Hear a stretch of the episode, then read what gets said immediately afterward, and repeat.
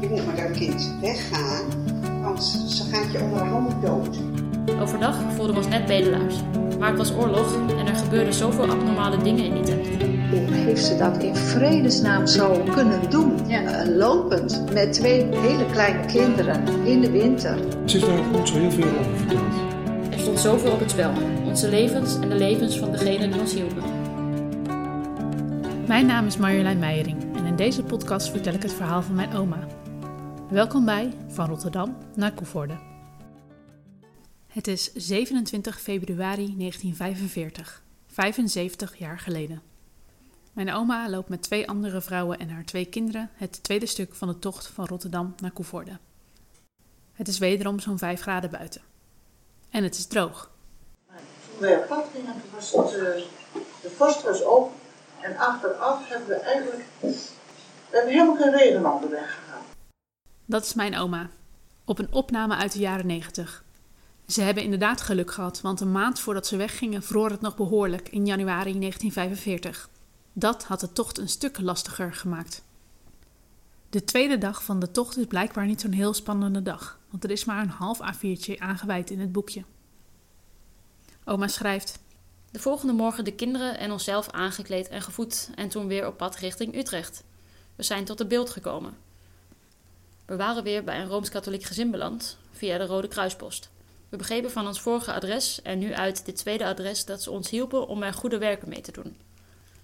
Het Rode Kruis had dat goed georganiseerd volgens mijn oma. Er was in die tijd een hele organisatie van Rode Kruis en EHBO.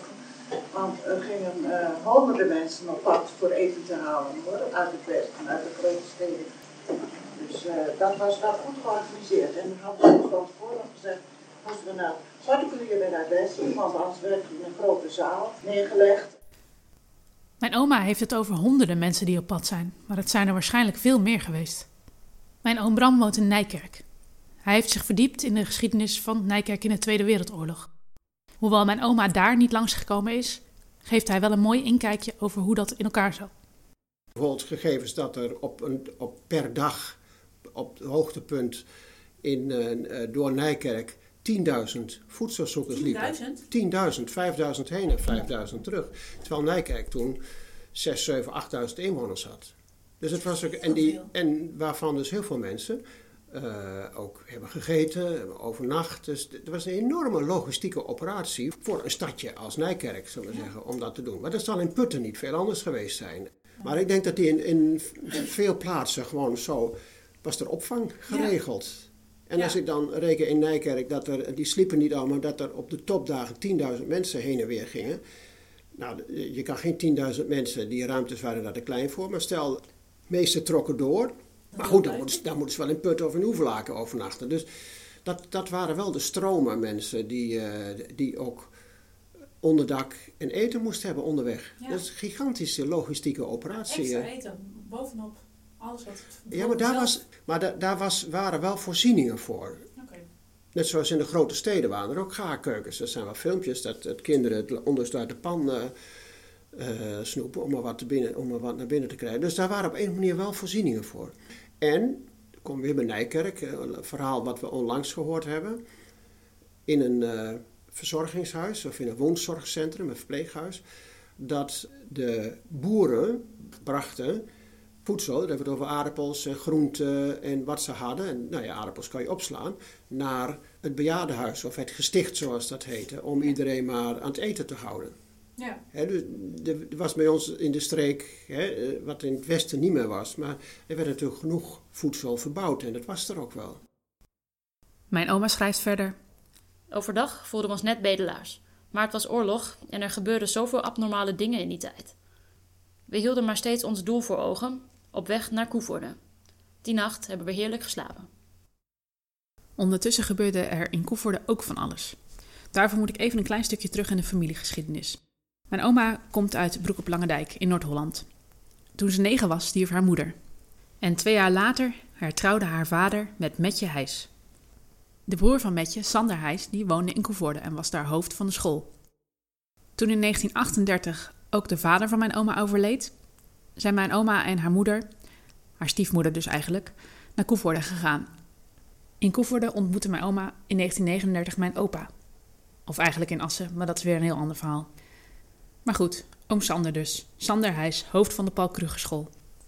Ik was op bezoek bij de stadshistoricus van Koevoorde, Huip Minderhout. En die vertelde mij het volgende verhaal. Die Wiebe Heijs was heel bijzonder, want die heeft in de oorlog heeft hij veel gedaan. Hè? Hij heette, hoe heette hij, die schoolmeester?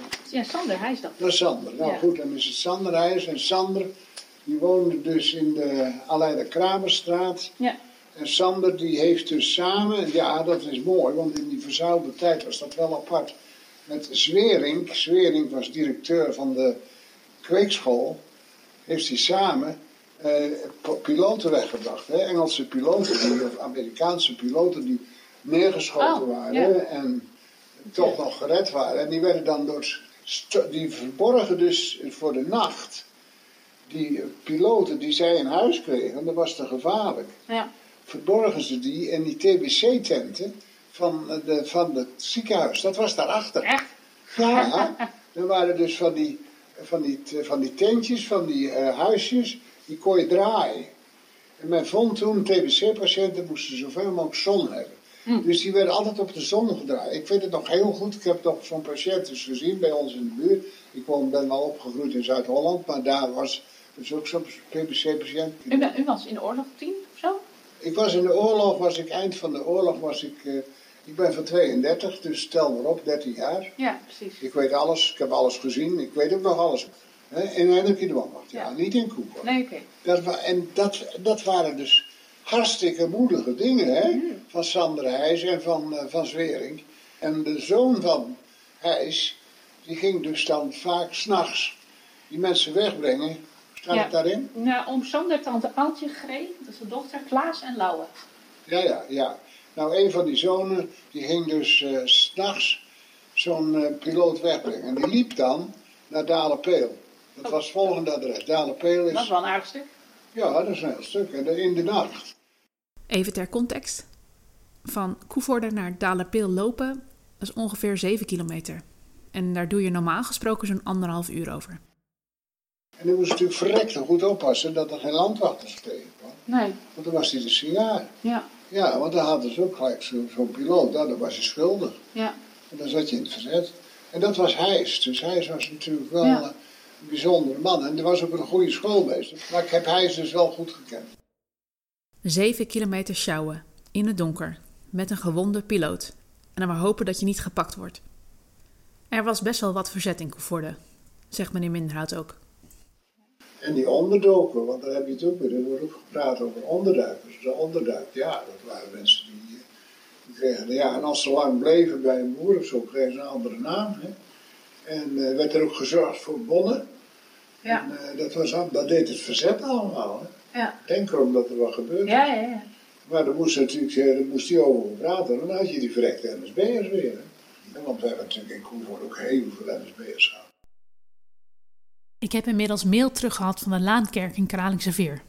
Ik ben natuurlijk nog steeds op zoek naar de twee vrouwen met wie mijn oma de tocht heeft gemaakt. Helaas kunnen ze me niet echt verder helpen bij mijn zoektocht. Ze schrijven: Wat er met de archieven van de gereformeerde gemeente is gebeurd die destijds in de Laankerk huisde, weet ik helaas niet. Daarnaast zijn er archieven die ik overgedragen heb gekregen van de vrije oud-gereformeerde gemeente Heelsemeer. Veel meer dan een doop- en ledenregister heb ik niet uit die tijd. Ik zou dus sowieso weinig kunnen vertellen over de personen die u zoekt. Het is dus misschien tijd om het wat groter aan te pakken. Ik ga de hulp inroepen van de Rotterdamse media en het radioprogramma Adres Onbekend. Wie weet dat zij wat voor mij kunnen betekenen. In de volgende aflevering lopen we met mijn oma mee van de Beeld naar Hoevelaken. Dat doet ze op 28 februari 1945. Tot ziens bij aflevering 4 van Van Rotterdam naar Koevoorde.